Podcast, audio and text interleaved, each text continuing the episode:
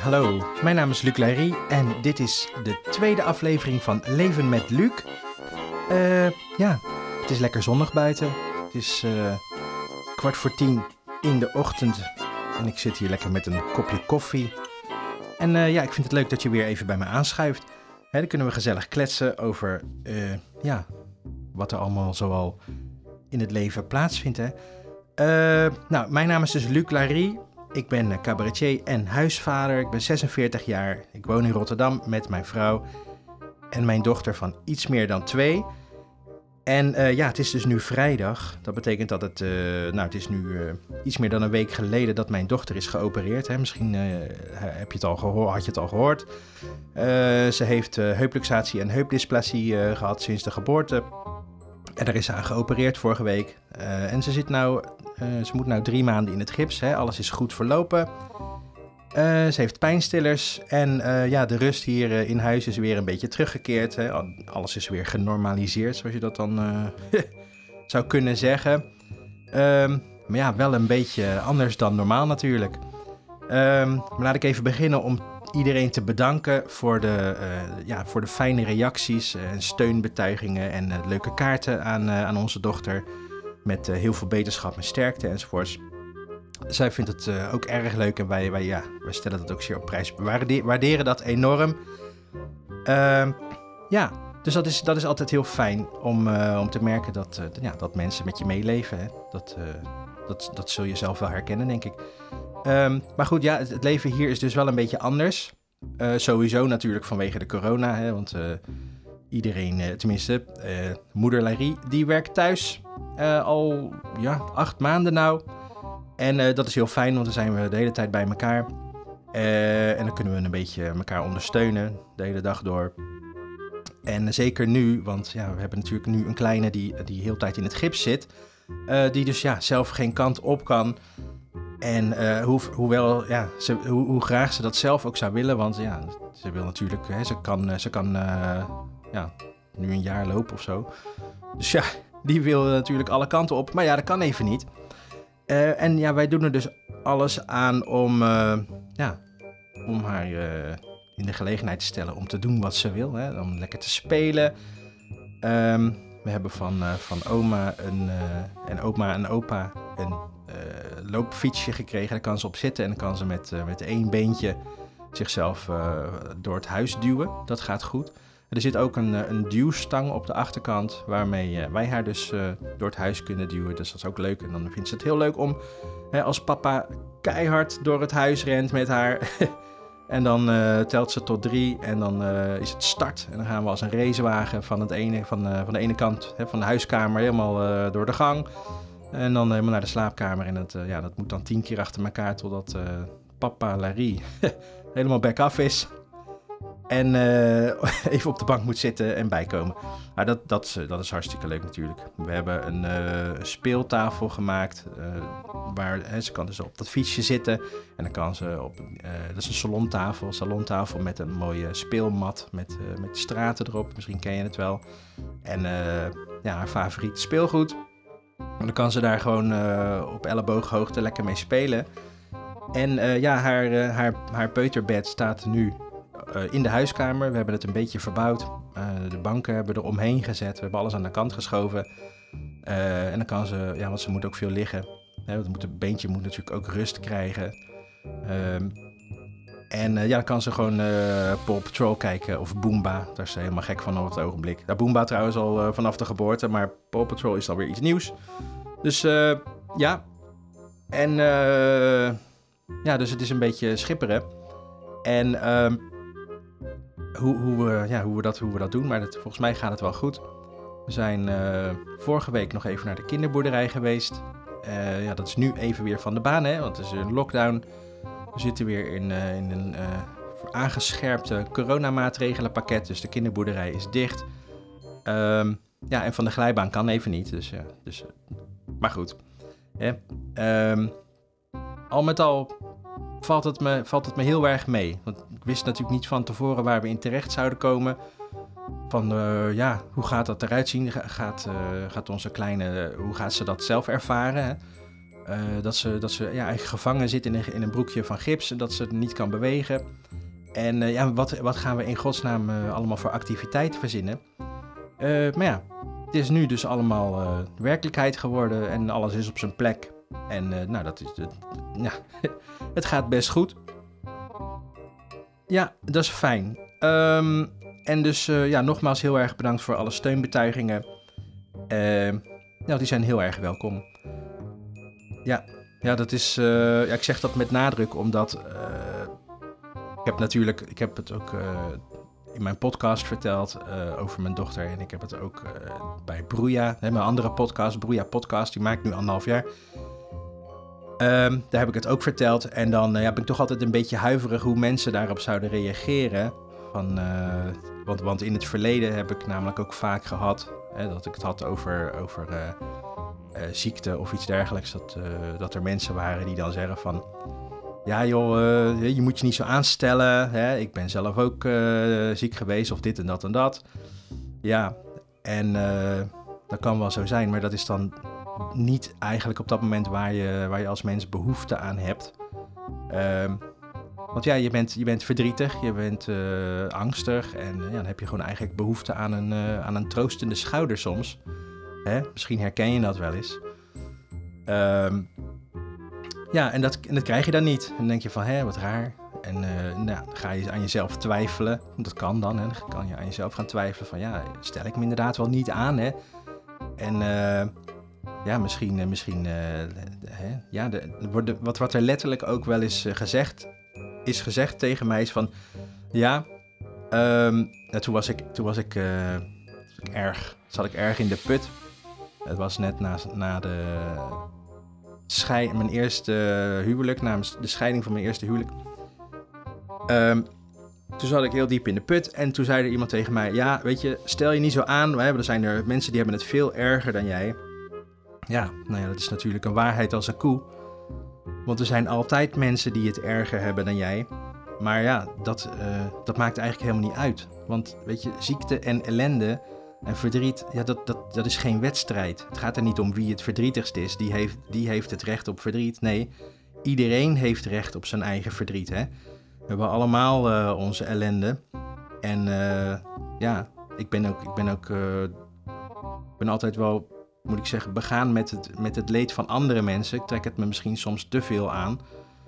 Um, dus ja, ik ben, ik ben de laatste die, die iemand zijn, zijn verdriet zou, zou willen ontnemen. Nee, ik vind dat iedereen daar recht op heeft. Ook jij. Wat het ook is. Hè? Al heb je, heb je je elleboog gestoten, ik zeg, ik zeg maar wat. Of misschien heb je wel iets heel ernstigs of ben je iemand kwijtgeraakt. Ja, dat, het verdriet is verdriet, pijn is pijn. Um, je kunt het niet vergelijken. Iedereen beleeft het uh, op zijn eigen manier. Iedereen heeft zijn eigen leven, zijn eigen achtergronden. En uh, ja, het is lastig om daar uh, niet over te oordelen. Hè? Tenminste, dat, dat merk ik dan. Het zijn altijd mensen die willen daarover oordelen. Ik probeer zelf zo min mogelijk te oordelen. Dat is, ik ben geen heilige. Niemand is perfect, ik zeker niet.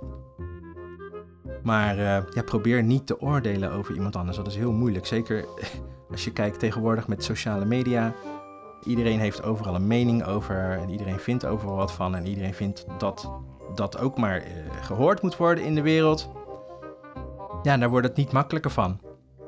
Dus uh, ja, een beetje meer lief en aardig zijn voor elkaar. Zo, daar, zou, daar zouden we een heel eind mee kunnen komen. maar ja, goed, nou, zoals ik zei, ik ben geen messias, ik ben geen heilige. Ik, uh, ja, ik ben ook vaak ja, teleurgesteld of boos. Dus uh, ja, misschien uit een soort van onmacht of zo. Of, maar ja, misschien, ja, misschien zijn, is dat wel herkenbaar voor jou. Hè? Misschien heb je, je ook wel eens een keer verdriet gehad dat iemand tegen je zei van... joh, stel je niet zo aan. Of misschien heb je het zelf wel tegen iemand gezegd. Of wat, wat, wat vind jij daarvan? Als je, als je, daar, ja, als je daar een visie over hebt of een idee, of je hebt zelf een verhaal en je wilt reageren of je hebt een vraag, dan kun je daar altijd een e-mailtje sturen naar mij. Uh, mijn uh, e-mailadres is luclarie, dus helemaal aan elkaar, luclarie.gmail.com. En ja, dan kunnen we dat misschien een keertje bespreken in, in de volgende podcast. Ja, dus ja, Dat is lastig, hè? En dus, weet je, er zijn ook mensen die dan... Die, hebben, die horen dan via via dat, dat, er iets, uh, dat er iets met je mis is... of dat er iets uh, in het gezin fout gaat of iets anders. En die laten ineens van zich horen... terwijl je normaal nooit van ze hoort. komen ze ineens, hey, hallo... En dan vragen, ze, vragen ze hoe gaat het met je. Eh, maar al heel snel komt de aap uit de mouw dat het is, ja, is eigenlijk eh, meer een, een, een loze kreet van hoe gaat het met je. Want ze zijn niet echt geïnteresseerd in jouw verhaal. Maar het is meer een uh, manier om de deur open te zetten om hun eigen verhaal te doen. Hè, want dan, uh, dan, zeggen ze, oh ja, ja, ja, oh nou, ik heb ook een keer. En dan komt er een heel verhaal. Uh, ja, nou, daar zit je op dat moment natuurlijk niet op te wachten. want je hebt even je hoofd naar je eigen ellende staan. En, en die mensen die, ja, die kunnen dan even lekker hun, hun, hun, verhaal doen. Die zijn gehoord en daarna is het, oké, nou ik ga weer, doei. Ja, dus wat moet je daarmee? Is dat ook herkenbaar voor jou? Heb je daar ook wel eens mee te maken gehad? Dus ja, laat het even weten. Dus ik vind dat lastig. Ik vind dat, ik vind dat zelf vervelend. Ik weet niet precies hoe ik daarmee om moet gaan. Misschien, ja, ik weet niet. Ja. Maar goed, Even terug naar, uh, naar de dag van vandaag. Dus uh, ja, uh, we hebben een peuter die, eh, die heel graag wil, maar niet kan lopen vanwege het gips. Maar het gaat best wel goed, want we organiseren een heleboel activiteiten. veel binnenshuis, ja, vanwege de corona. Dus houden we nog even buiten, houden we nog even buiten de deur. Zoveel mogelijk. En ook omdat we net uit het ziekenhuis komen, zijn we nog even tien dagen in quarantaine voor de zekerheid. Want het ziekenhuis is natuurlijk ook een beetje een risicovolle plek. En we willen niemand aansteken. misschien is het overdreven, uh, vind je. Maar uh, ja, wij nemen het zekere voor het onzekere. Mochten we wat mee hebben genomen, we hebben nu nog helemaal geen klachten, maar mochten we wat mee hebben genomen, mochten we iets onder de leden hebben, we willen geen opa's en oma's besmetten. Uh, hoe graag we die ook zo snel mogelijk weer zouden willen zien. dus dat doen we even niet. Maar goed, um, ja, dat was eigenlijk een inleiding, want ik wil uh, het vandaag over iets anders hebben. Uh, en namelijk over PTSS. Misschien heb je daar wel eens van gehoord. PTSS. Um, ja, en uh, je moet het me vergeven als ik een beetje van de hak op de tak ga en als het misschien een beetje onsamenhangend klinkt. Want ja, ik heb ADHD, dat wist je misschien al. Um, en vandaar dat ik alles het hele verhaal in bullet points op, uh, op, uh, op mijn beeldscherm heb staan. En ik probeer het een beetje zo chronologisch en logisch mogelijk, chronologisch aan elkaar te kletsen. Um, maar ik wil het dus hebben over PTSS, niet over ADHD, daar gaan we het de andere keer wel over hebben. Want er zijn ook mensen die zeggen, hè, jij ADHD, die, uh, ja, die kennen mij als een heel rustig en introvert persoon. Denk ik van, hé, je hebt toch helemaal geen ADHD? Die, die, die kennen ADHD natuurlijk van Bert Visser en Jochem Meijer. En die zijn altijd ontzettend druk. Um, maar um, wat ze niet weten is dat ik dat dus uh, ook heb. Dat ik dat ook ben. Ik, uh, maar bij mij is het eigenlijk niet zichtbaar. Mijn, mijn onrust zit van binnen.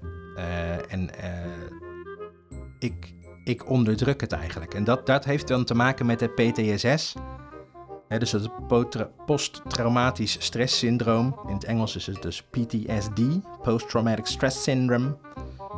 Uh, disorder. Post-Traumatic Stress Disorder.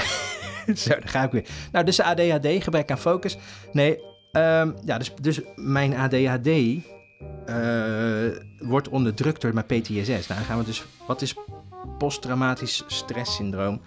Iedereen uh, heeft hem. Nou, ik weet niet. Misschien heb je er wel eens van gehoord.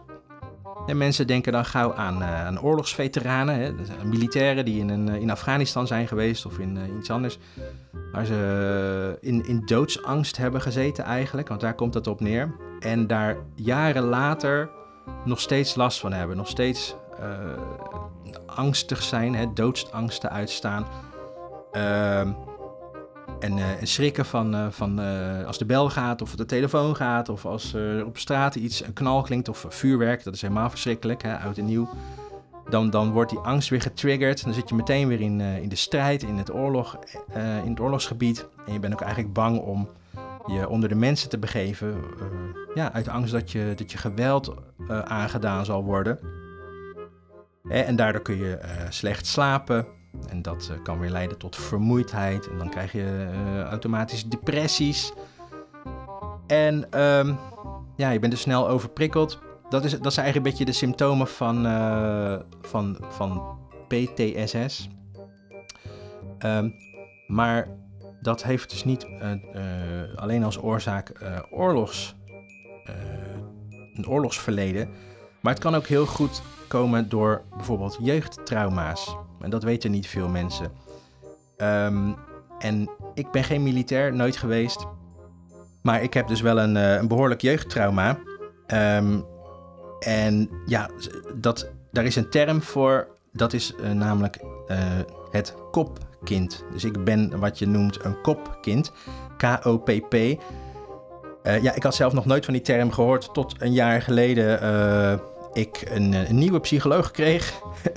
ik geloof mijn, mijn vijfde of mijn zesde, omdat eerder, eerdere therapieën of relaties met, met psychologen waren beëindigd of stuk gelopen. Um, en deze psycholoog, een erg uh, fijne man, uh, die zei van ja, die had mijn hele verhaal aangehoord, uh, al een aantal sessies, en die zei: um, jij, jij, bent een kopkind. En dat betekent dus een kind van ouders met psychische problemen. Um, nou, en dat klopt. Uh, ik heb daar uh, wat informatie over opgezocht op internet. Van ja, wat, hè, wat houdt het dan precies in? En ja, daar herkende ik mij enorm in. Want wat was, wat was nou het geval? Mijn, toen ik tien, tien, maanden oud was, ik was net geboren, ik was nog een babytje.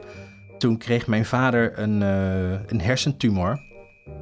En uh, die ging zich daardoor, mijn vader ging zich daardoor heel erg vreemd gedragen. Want die hersentumor, die, die, uh, nou ja, dat was dus, die drukte in, in, de, in de hersenen. Um, en daardoor ja, raakte die eigenlijk een beetje van het pad af. Um, hij ging zich dus, hij werd eigenlijk, wat je zegt, een psychiatrisch patiënt door die, uh, door die tumor. Hij gedroeg zich dus vreemd, uh, ja, kende geen grenzen meer, hij werd gewelddadig. En um, ja, heel lang is het, uh, dus, dus hebben ze niet geweten dat, er, dat hij een tumor had. Hij gedroeg zich gewoon heel vreemd. En uiteindelijk, na, na jaren, kwamen ze erachter dat hij een hersentumor had. Hij, heeft, daar, hij is daardoor daaraan geopereerd ze hebben zijn schedeldakje gelicht en uh, de tumor weggesneden, zo goed als zo kwaad als dat ging. En uh, ja, een drain aangebracht om het vocht af te drijven, dus een soort rietje in zijn hersenen.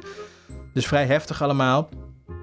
En uh, ja, daarna heel veel pillen gekregen en daarna ging het beter. Maar ja, terugkijkend op, op, op die tijd, hij, is nooit... Um, ja, de, de, de geworden, zeg maar. Hè? Als ik mijn moeder moet geloven. Want ja, ik was een baby, ik was een kind. Dus ja, ik weet niet beter dan dat mijn vader een beetje, ja, een beetje vreemde man was. Hij gedroeg zich een beetje buitensporig. Ook een, ja, ik zal niet te veel in, uh, in detail treden, maar ook in, uh, in restaurants en dat soort dingen kon hij ineens ja, agressief worden om niets eigenlijk. Hè. Als de soep eh, te laat was, dan, uh, ja, dan was eigenlijk het restaurant te klein. En hij stoorde zich uh, totaal niet aan, aan, aan, aan, aan ons hè, of aan andere gasten die daar waren. Hij geneerde zich niet. Hij was totaal sociaal ontremd. En als je als kind opgroeit in, in die situatie, hè, ook met, ja, met het geweld wat er plaatsvond, dan, dan dan leef je dus als kind in totale doodsangst de hele tijd. Je hebt niet het veilige, de veilige haven van, uh, van thuiskomen, van bij papa en mama zijn. Het huwelijk van mijn ouders is ook uh, ja, is op de klippen gelopen. Het is uh, helemaal stuk gegaan. En ja, ik ben. ik heb daardoor nooit echt een, een, een heel. ik heb nooit echt veilig gevoeld, nooit echt goed zelfvertrouwen kunnen ontwikkelen. Eh, waardoor ik dus heel erg naar binnen uh, gekeerd ben geworden. Uh, ja, naar binnen ben gekeerd. Hè. Dus ik werd een introvert. mensen zeiden van, joh, wat is die stil? Wat ben je zo verlegen? En nou ja, um, ik, kijk, als kind begrijp je dat zelf niet, wat er dan wat er gebeurt. En het, weet je wat het ergste is? Dat je als kind ook denkt dat het allemaal jouw schuld is dat het misloopt. Dus je leeft in totale doodsangst. En met een enorm schuldgevoel En als kind kun je het niet relativeren. Je hebt, ik had ook geen, uh, totaal geen vergelijkingsmateriaal. En uh, ja, je fundament is helemaal verkeerd. Hè? Je bent verkeerd geprogrammeerd. Um, gebrek aan, uh, aan veiligheid. Want je, je groeit eigenlijk op in een oorlogsgebied. Ehm, en als je daarna, daarbij ook steeds te horen krijgt dat het allemaal aan jou ligt, um, ja, dan, dan ontwikkel je nooit een goed zelfbeeld en nooit, uh, krijg je nooit dat zelfvertrouwen wat, wat ieder kind eigenlijk verdient. Hè? Dus uh, ja, en daardoor werd ik eigenlijk een, een, een uh, ja, makkelijk slachtoffer, hè? een makkelijke prooi voor, uh, voor pestgedrag van, van kinderen op school. Dus ik ben ook heel veel gepest op de lagere school en heel veel geslagen en geschopt. Dus ja, en dan, dan ontwikkel je een, een, een goede angst voor andere mensen. En uh, ja, dat is eigenlijk in het kort waar mijn PTSS vandaan komt. En ja, dan kun je zeggen, ja, maar dat was allemaal toen. We zijn nu volwassen. Dat gebeurt niet meer. Uh, nou, dat... Uh, ja, wat, wat de psycholoog vertelde, en dan, daar, sta ik, daar herken ik me volledig in. Als je dat als kind meemaakt, je bent zo, dan ben je zo geprogrammeerd. Hè, je printplaat is op een bepaalde manier uh, in elkaar gezet. Dat, dat krijg je niet zomaar uit je systeem. Dus dat is iets waar je eigenlijk moet mee leren, leren, moet, mee moet leren leven. Je, eh, en uh, het is ook een soort ontdekkingsreis, want je, je, je weet helemaal niet wat er aan de hand is. Hè. Op een gegeven moment, hè, je wordt ouder, dan ga je herkennen van ja, ik heb moeite met bepaalde dingen bepaalde dingen lopen niet zoals ik wil. En waarom loop ik steeds tegen dezelfde problemen aan? En waarom gaat het, uh, gaat het niet? En waarom gaat het slecht? En uh, ja, en dan denk je, ja, het ligt allemaal aan mezelf. Want zo ben je, zo ben je geprogrammeerd. Maar gaandeweg krijg je steeds meer puzzelstukjes naarmate je ouder wordt. En uh, ook zeker als je, als je een kind krijgt, dan is de cirkel eigenlijk helemaal rond. Want dan ben je zelf vader en dan zie je hoe je het zelf doet. En dan ga je het vergelijken met, met uh, hoe je eigen ouders het deden. En dan, ja, dan vallen er steeds meer puzzelstukjes op zijn plek. En dan begint eigenlijk uh, het herstelproces. Dan, dan heb, je, heb je een completer beeld van hoe het, hoe, de, hoe het eigenlijk in elkaar zit. Um, maar dan ja, zie je het dan nog maar eens uit je systeem te krijgen. Je moet jezelf dus eigenlijk helemaal herprogrammeren. En dat valt, dat valt niet mee. Dat is niet, niet iets waar je eventjes uh, overheen stapt. Ja, ja en, uh, en ook al ben je dan volwassen, ja, je bent toch erg kwetsbaar nog steeds. Want ja, je hebt, je hebt veel angst en, en heel veel stress. En ja, ook al, ook al ben je los van je kritische van, de, van de kritische stemmen om je heen. Hè? Van bijvoorbeeld van je ouders of je vader of kinderen uit de klas die die je afkeuren, om welke reden dan ook. Misschien om je uiterlijk of uh, weet ik veel wat. Um, ja, die, die criticus die is inmiddels zo sterk in jezelf geprogrammeerd dat je, dat je het zelf kan. Je, je kan jezelf heel goed afbranden en de hele tijd ontmoedigen en de put inpraten. En uh, dat zijn de stemmen uit het verleden eigenlijk, die dan uh, tegen je praten. En dat, dat is iets wat je dan, uh, dan, moet, dan moet leren herkennen van ja, dat, dat is niet van mij dat is een soort van sabotage. Ik, uh, ik noem dat altijd het duiveltje op mijn schouder. want als ik dan uh, bijvoorbeeld zeg van, nou, ik ben best wel trots op mezelf dat ik iets heb gedaan. Ik heb een website geprogrammeerd of ik heb weer een podcast gemaakt of weet ik veel wat. Ja, dan is er meteen dat stemmetje dat zegt, ja, ja, trots. Nou, dat, dat klinkt als arrogantie. Hè? Je, bent, je bent veel te arrogant. Ja, je moet een toontje lager zingen. En dat is dan niet mijn eigen stem, maar ja, stem van een criticus uit het verleden. En dan, uh, ja, dan ben je daar gevoelig voor. En uh, dat, dat is dus een, eigenlijk een, een, zwakke plek, een kwetsbare plek. Uh, voor oordelen van anderen in het, ja, in het dagelijks leven. Hè? Um, want dat, dat, dat gebeurt af en toe. Er zijn, uh, ja, er zijn dus mensen die continu oordelen over jou. En sommige mensen die, die, op, die hè, met opzet naar tegen je doen of je proberen uh, uh, ja, in de put te praten of kapot te maken psychisch. En je doet dat dan met opzet. En dat zijn vaak mensen, nou vaak zeg maar altijd mensen die zelf ernstig beschadigd zijn. En die dan in plaats van zichzelf naar binnen hebben gekeerd, zichzelf ja, afreageren eigenlijk. Dus vrij agressief. Um, die gaan, gaan hun eigen leed botvieren op andere mensen. Die voelen zichzelf daardoor beter. die, die trappen zeg maar naar beneden om zichzelf naar boven te krijgen. En ja, dat gedrag, dat, dat is een soort, uh, dat noem je een coping strategy. Dus eigenlijk een mechanisme om met je eigen ellende om te gaan als het te, te erg wordt. Hè? Um, nou, misschien herken je dat wel. Nu zie je het ook, het is coronatijd. Heel veel mensen die, ja, die zijn bang. En um, voor het onbekende, dat is altijd spannend. En dit is nog, nog, ook nog eens een keer een ziekte die levensbedreigend kan zijn. Um, ja, en uh, sommige mensen die, die zijn zo bang, die sluiten zichzelf op. Die, die, dat doe ik altijd. ik isoleer mezelf volledig van de buitenwereld. Met niets of niemand contact. om mezelf te beschermen. Dat is eigenlijk een soort vermijding. Dat kan dus een, een coping strategy zijn. En andere mensen die, ja, die steken hun kop in het zand. Die, die doen alsof het niet bestaat. Hè, die zijn totaal in de ontkenning. Dat is, ja, dat is ook een coping strategy. En er zijn dus ook mensen die gaan compleet in de aanval. En dat gebeurt nu dus ook heel veel. Dat zie je uh, met de, de, hè, het toenemend aantal aanslagen wat plaatsvindt.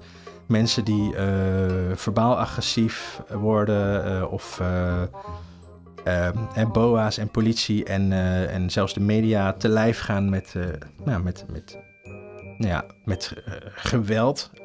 Gelukkig is het nog beperkt, maar ik weet niet hoe dat straks wordt. Daar hou ik me hard voor vast. Um, dat is dus, ja, die gaan in de aanval. Dat is dus ook een coping strategy. En ja, dat zijn dus de mensen die, die, die ja, naar beneden trappen. En ehm, dat is, dat is naar. Maar goed, als je dus PTSS hebt, ik zelf um, ben altijd heel afhankelijk geweest, hè, op zoek naar uh, goedkeuring, externe bevestiging, erkenning van anderen. Hè, uh, omdat ik uh, ja, mezelf niet, omdat ik moeite heb om, om mezelf goed te keuren. Hè, het, gelukkig gaat het steeds, steeds beter. Maar dat is dus zo ingeprogrammeerd dat ik een, een negatief zelfbeeld heb. Dat ik dus afhankelijk ben van, van anderen die zeggen: Oh, wat doe je dat goed? Of Nee hoor, ik, ik, vind jou helemaal top. Of iets dergelijks. Of ik vind je aardig. Of dat heb je goed gedaan. Het externe oordeel. Terwijl wat we eigenlijk moeten willen is dat we daar los van komen. Dat we niet afhankelijk zijn van het oordeel van een ander. Hè, dat we ons niet, onszelf niet meer zien door de ogen van een ander. Dat is eigenlijk niet belangrijk. Het belangrijkste is hoe jij naar jezelf kijkt. En ja, en dat is, dat is pittig om, om dat te bereiken. Om daar als, je, als je dus een jeugdtrauma hebt of uh, je PTSS of iets, iets verschrikkelijks hebt, misschien iets anders, maar in ieder geval als je dus een negatief zelfbeeld hebt, hoe krijg je dan een positief zelfbeeld? En ja, dat is wel iets om aan te werken. Um, ja, je moet dus leren stil te staan bij um, wat, je allemaal, wat je allemaal goed doet. In plaats van dat je op jezelf gaat zitten fitten. Um, dat kan lastig zijn. Ik heb, uh, ik heb daar een boek over gelezen, dat heet Patronen doorbreken. Dus ik vind dat een heel fijn boekje. En dat kan ik iedereen aanraden. Uh, want daarin, daarin lees je heel praktisch over allerlei patronen die, die je zou kunnen hebben. Nou, iedereen die valt wel ergens onder. En hoe dat, hoe dat patroon in elkaar zit, hè, wat, wat er dan gebeurt met je. En daar kun je dus veel herkenning in vinden.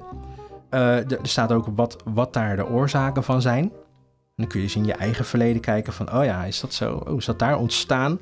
En dat helpt een beter beeld te, te, vormen van, van hoe je eigenlijk zelf werkt, hoe je in elkaar zit, hoe, jouw hoe jouw systeempje, hoe jouw klokje tikt. En daarna staat er dus ook hoe je uh, dat patroon kan doorbreken. He, hoe je dus uh, ja, niet meer in diezelfde cirkel in je eigen staart hoeft te bijten, niet meer in het drijfstand blijft wegzakken. Maar hoe je daar hè, praktische tips, je krijgt praktische tips en informatie hoe je daaruit kan klimmen. Dat is niet makkelijk, maar ik vind het heel fijn eh, om het gelezen te hebben. Het geeft me heel veel herkenning en duidelijkheid. En ja, dat, dat vind ik, dat is de allereerste stap. Het inzicht. Ja. Ja, nou ja, en over PTSS heb ik ja, veel symptomen die, die erbij horen, die ik heb, die, ja, die, die hebben overlap met autisme. Ik heb me daarom ook wel een tijdje afgevraagd van, ja, ben ik misschien autistisch? Hè? Zit ik op het spectrum? Omdat ik heb wel veel over autisme gelezen, want ik heb mensen in mijn omgeving die, die, de, die autistisch zijn. en ik wilde daar meer over weten. Dat ik ook tegen bepaalde dingen aanliep en ik wilde dat begrijpen. En toen herkende ik heel veel eigenschappen, heel veel symptomen eigenlijk. Of dingen die bij autisme horen, die horen ook bij PTSS. Hè, zoals die sociale contactstoornissen eigenlijk, dat je, het lastig vindt om met mensen te communiceren. Um, dat je uh, overprikkeld, uh, snel overprikkeld raakt, of dat je in de hyperfocus kan schieten, of dat je, hè, dus dat je, heel, dat je heel erg geconcentreerd met iets bezig kan zijn, terwijl achter je het huis in de fik staat en je dat niet eens opmerkt. ja, de, om in, even in de vogelvlucht maar wat te zeggen. en veel angst kan daarbij horen. Maar ehm, ja, wat, wat ik wat ik dus, waar ik dus achter ben gekomen is uh, dat ik uh, ja, waarschijnlijk niet autistisch ben. Ik heb niet echt een test gedaan, uh, maar ik heb wel de diagnose PTSS gekregen. En ik heb, ehm, ik, ik, ik ben, ik kan me heel goed verplaatsen in een ander. Dat is, dat is van kleins af aan al zo geweest.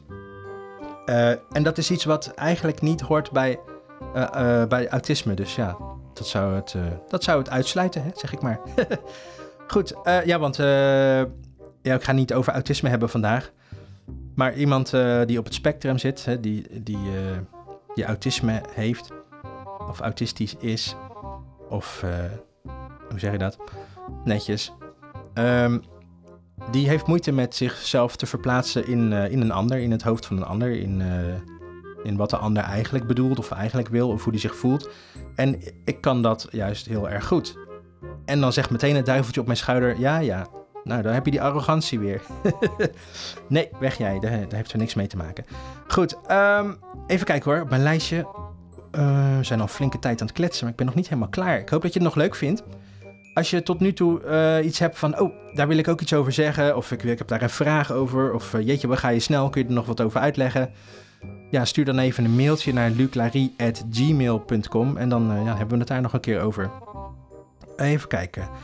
Um, ja, het, PTSS, ik, ik heb dat dus al mijn hele leven. Ik weet dat eigenlijk maar pas sinds een jaar. Toen heb ik wat meer, meer verdiept in, mijn, in, mijn, in internet, in mijn psyche en herkenning gevonden. En daar ook een ja, diagnose voor gekregen van een psychiater die me dus heeft en hem samen met een psycholoog hebben, hebben ondervraagd. Een paar keer. En nou ja, daar kwam dus uiteindelijk dus, de bevestiging uit dat ik PTSS heb naast de ADHD. Dus dat is een leuke cocktail. Um, ja, wat is. Um, even kijken, waar ben ik gebleven? Dat heb ik gehad, dat heb ik gehad. Ja. Nou ja, en het, wat ik zei, ik, ik leef vrij geïsoleerd. Uh, ja, eigenlijk uit angst hè, voor, uh, voor geweld of dus lichamelijke schade of psychische schade aangedaan door anderen. En ja, soms wel doodsangst. Dat is nu vrij actief, hè? zeker met corona. En, en ik had al eerder gezegd, ja, ik heb allemaal, daarnaast ook nog allemaal, allerlei auto-immuunziektes.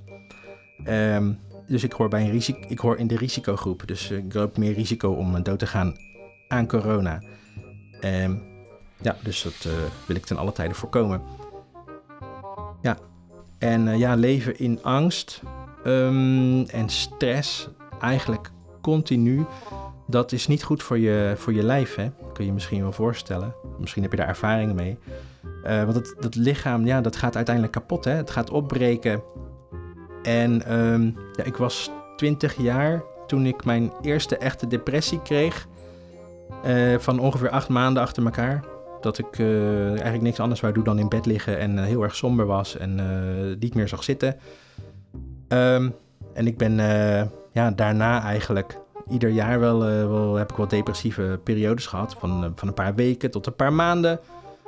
En dat leidde tot een hoop onbegrip uh, uit de omgeving.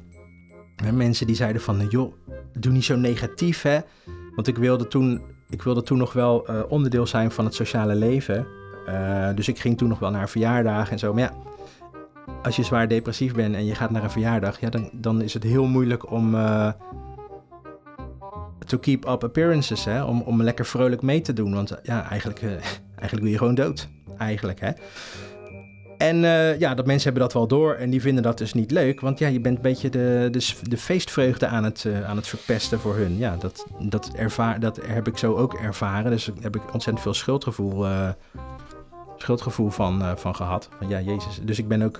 Ik, heb, ik, ga er ook. Ik ga ook niet meer naar verjaardag heen. Om heel veel redenen. Um, maar uh, omdat het, hè, ook, het is ook overprikkeling en ik weet niet hoe ik me moet gedragen. Want iedereen die. die hè, ik ben dan bezig met wat vinden ze van me. En dat is ontzettend stressvol. En dan krijg ik een paniekaanval. En dan wordt het chaos. En dan, dus een hele nare, hele nare belevenis. Dus ja, dat doe ik niet meer. Um, uit zelfbescherming. Maar ja, het onbegrip over depressie, dat is, dat is ook lastig. Dus van ja, joh, doe niet zo negatief, hè. Stap daaruit. Doe, je moet even positief denken. Ja, maar ja, depressie werkt nou eenmaal niet zo, hè. Want depressie is gewoon een ziekte.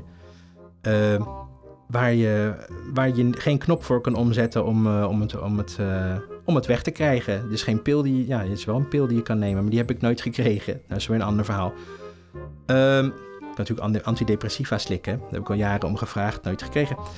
Maar het gaat, ja, mensen begrijpen niet zo goed wat dat, dat depressie, dat je dat niet zelf helemaal in de hand hebt. En uh, dat is lastig. Um, maar goed, ik ga zo, nou, merk je dat? ik ga van de hak op de tak, hè.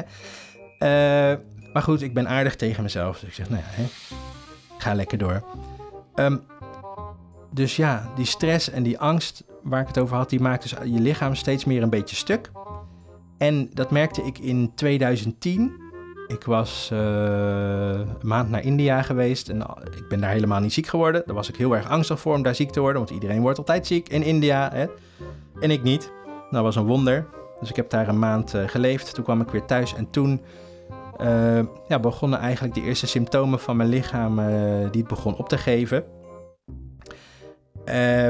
En ik ben daarvoor sindsdien eigenlijk bijna onophoudelijk het ziekenhuis in, ziekenhuis uit. Van de ene arts naar de andere arts, naar de dermatoloog, naar de, uh, de KNO-arts, naar de cardioloog, internist, pff, dermatoloog. Ik weet, ik, heb, ik, heb, ik weet niet veel, hoeveel artsen ik al gezien heb en nog steeds onder behandeling ben.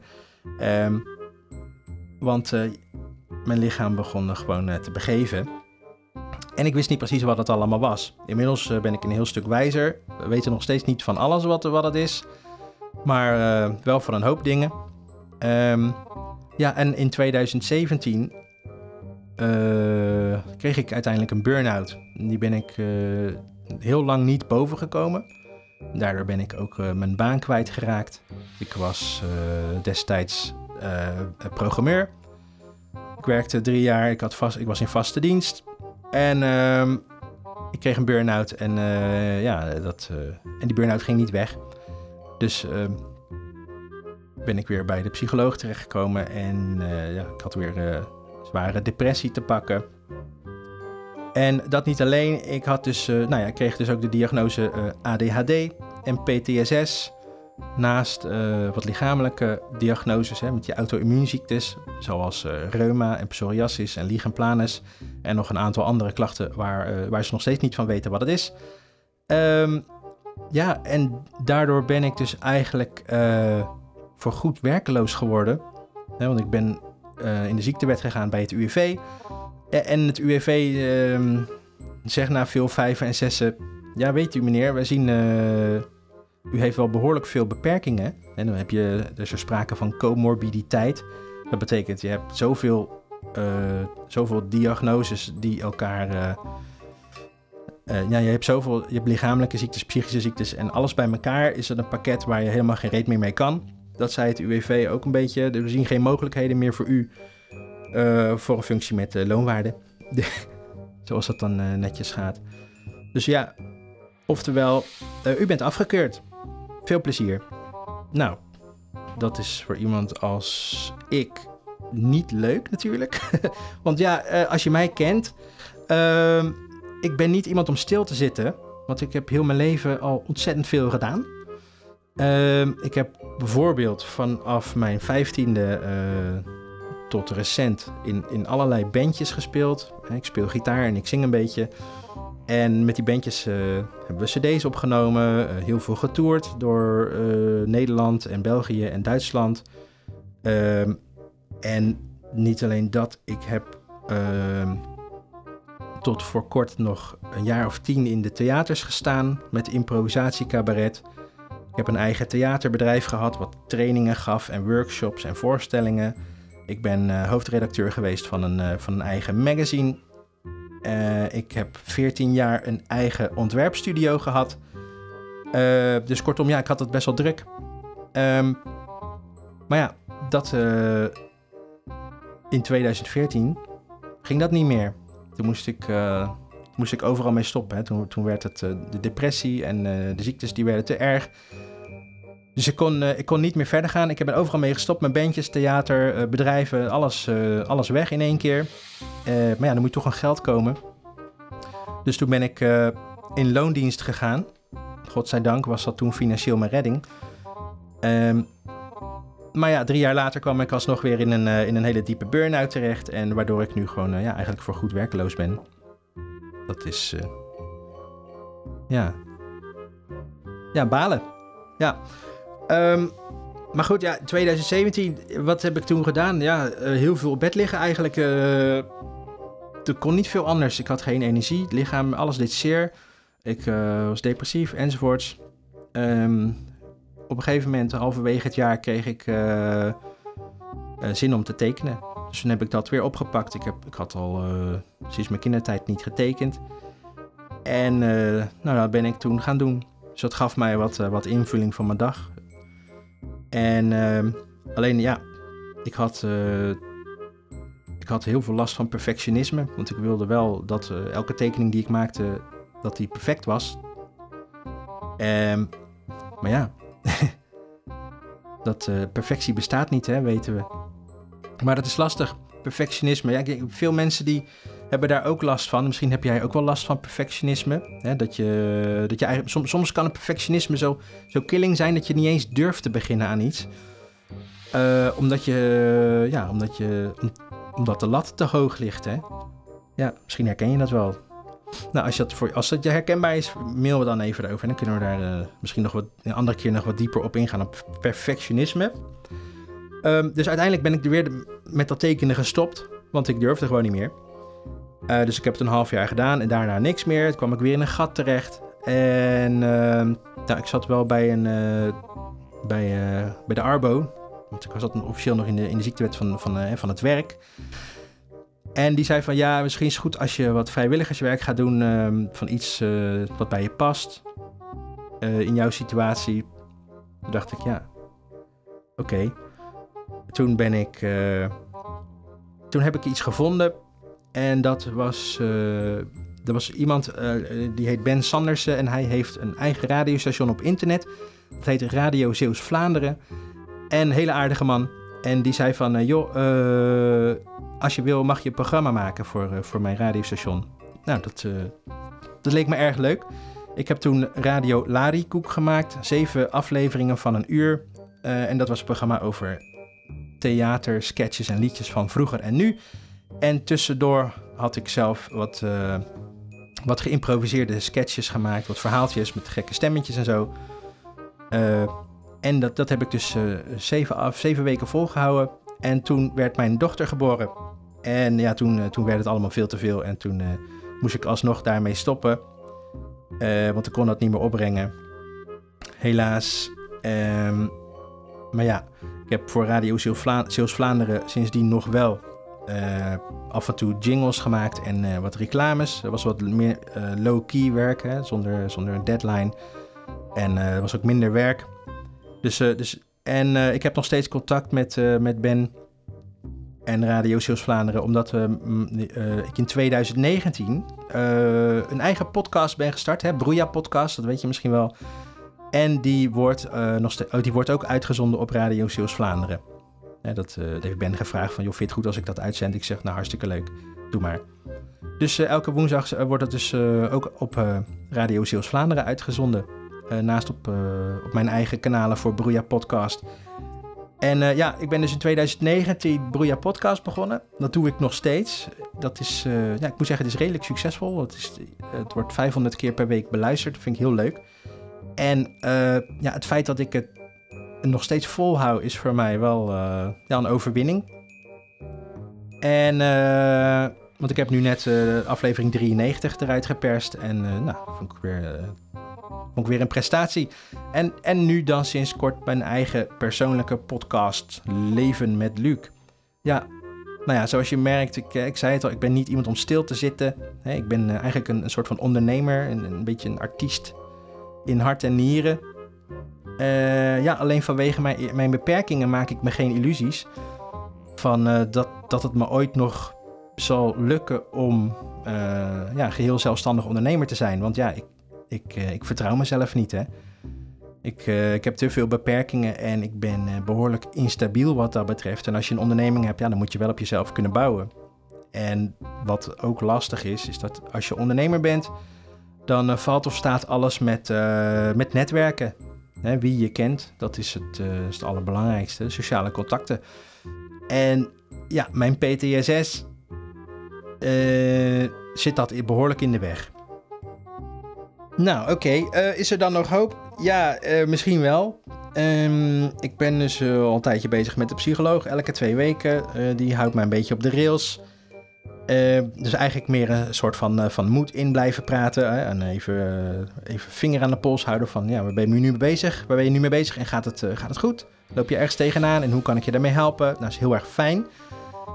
maar voor die PTSS is, wacht ik eigenlijk op een behandeling en die heet EMDR. Dat is, dat is de afkorting van Eye Movement Desensitization and Reprocessing. En dat is een behandeling uh, ja, waarmee je dus van je PTSS zou kunnen afkomen. En daar wacht ik nu al uh, meer dan een jaar op, omdat we daar niet mee kunnen starten vanwege de corona. want uh, de praktijk is, nou ja, goed, die is, mensen werken daar ook thuis. Um, en de psychologen en de psychiaters ontvangen geen mensen thuis. Dus ja, dan wachten we weer tot de praktijk open gaat en ik met de EMDR kan beginnen. Uh, om het, hopelijk het herstelproces van, uh, van de PTSS eh, ja, verder in gang te zetten en hopelijk er vanaf te komen. Ik heb er zelf een beetje hard hoofd in, omdat ik er al zo lang mee leef. Ik ben nu 46. Maar ja, we gaan het zien. Oké, nou genoeg ellende voor deze week. Jeetje, zo zijn al bijna 50 minuten aan het kletsen. Oké, Um, nou, ik zou zeggen, dat was dat. Als je zin hebt om te lachen, uh, ga dan naar mijn andere podcast, Broeia Podcast. Daar uh, hoor je geen ellende, alleen maar grappen en grollen. Broeia Podcast is te vinden op YouTube, Spotify, Apple Podcast en uh, weet ik veel hoe die andere dingen heten. En op de nieuwe website www.podcastzoeker.nl. En daar staan ontzettend veel podcasts op, allemaal Nederlandstalig. Dus heb je nog zin om nog veel meer te luisteren, dan kan je daar naartoe. Uh, Podcast staat er ook op. En ik met Leven met Luc sta er ook op. Uh, ja, dat was het voor deze week. Heel veel onderwerpen hebben we besproken. Uh, ik heb nog geen idee waar we het volgende week over gaan hebben. Heb jij uh, vragen? Wil je reageren? Uh, of iets anders? Wil je zelf een verhaal kwijt? Dan kun je mailen naar luclarie.gmail.com. En dan zou ik nou zeggen, Geniet van het mooie weer. Het is vrijdag, het zonnetje schijnt, het is bijna weekend. Dus als je nog iets leuks gaat doen, dan wens ik je daarbij heel veel plezier. En ja, mocht je zelf ellende hebben of verdriet, dan wens ik je daarbij heel veel sterkte. En uh, ja, weet dat je niet alleen bent en dat ook jij de moeite waard bent en er mag zijn. Dat was het voor deze week. Volgende week weer een nieuwe Leven met Luc. Ik kijk uit naar jullie reacties. En dan kletsen we lekker volgende week verder onder het genot van een drankje, een kopje koffie of een gin tonic of een flesje gore kauwgomballenwater of uh, whatever met een blokje kaas of een plakje worst of een lekker stukje selderij. Jij mag het zeggen. Doei!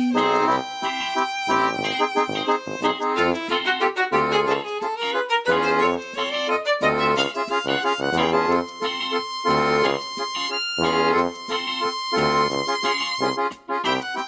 you.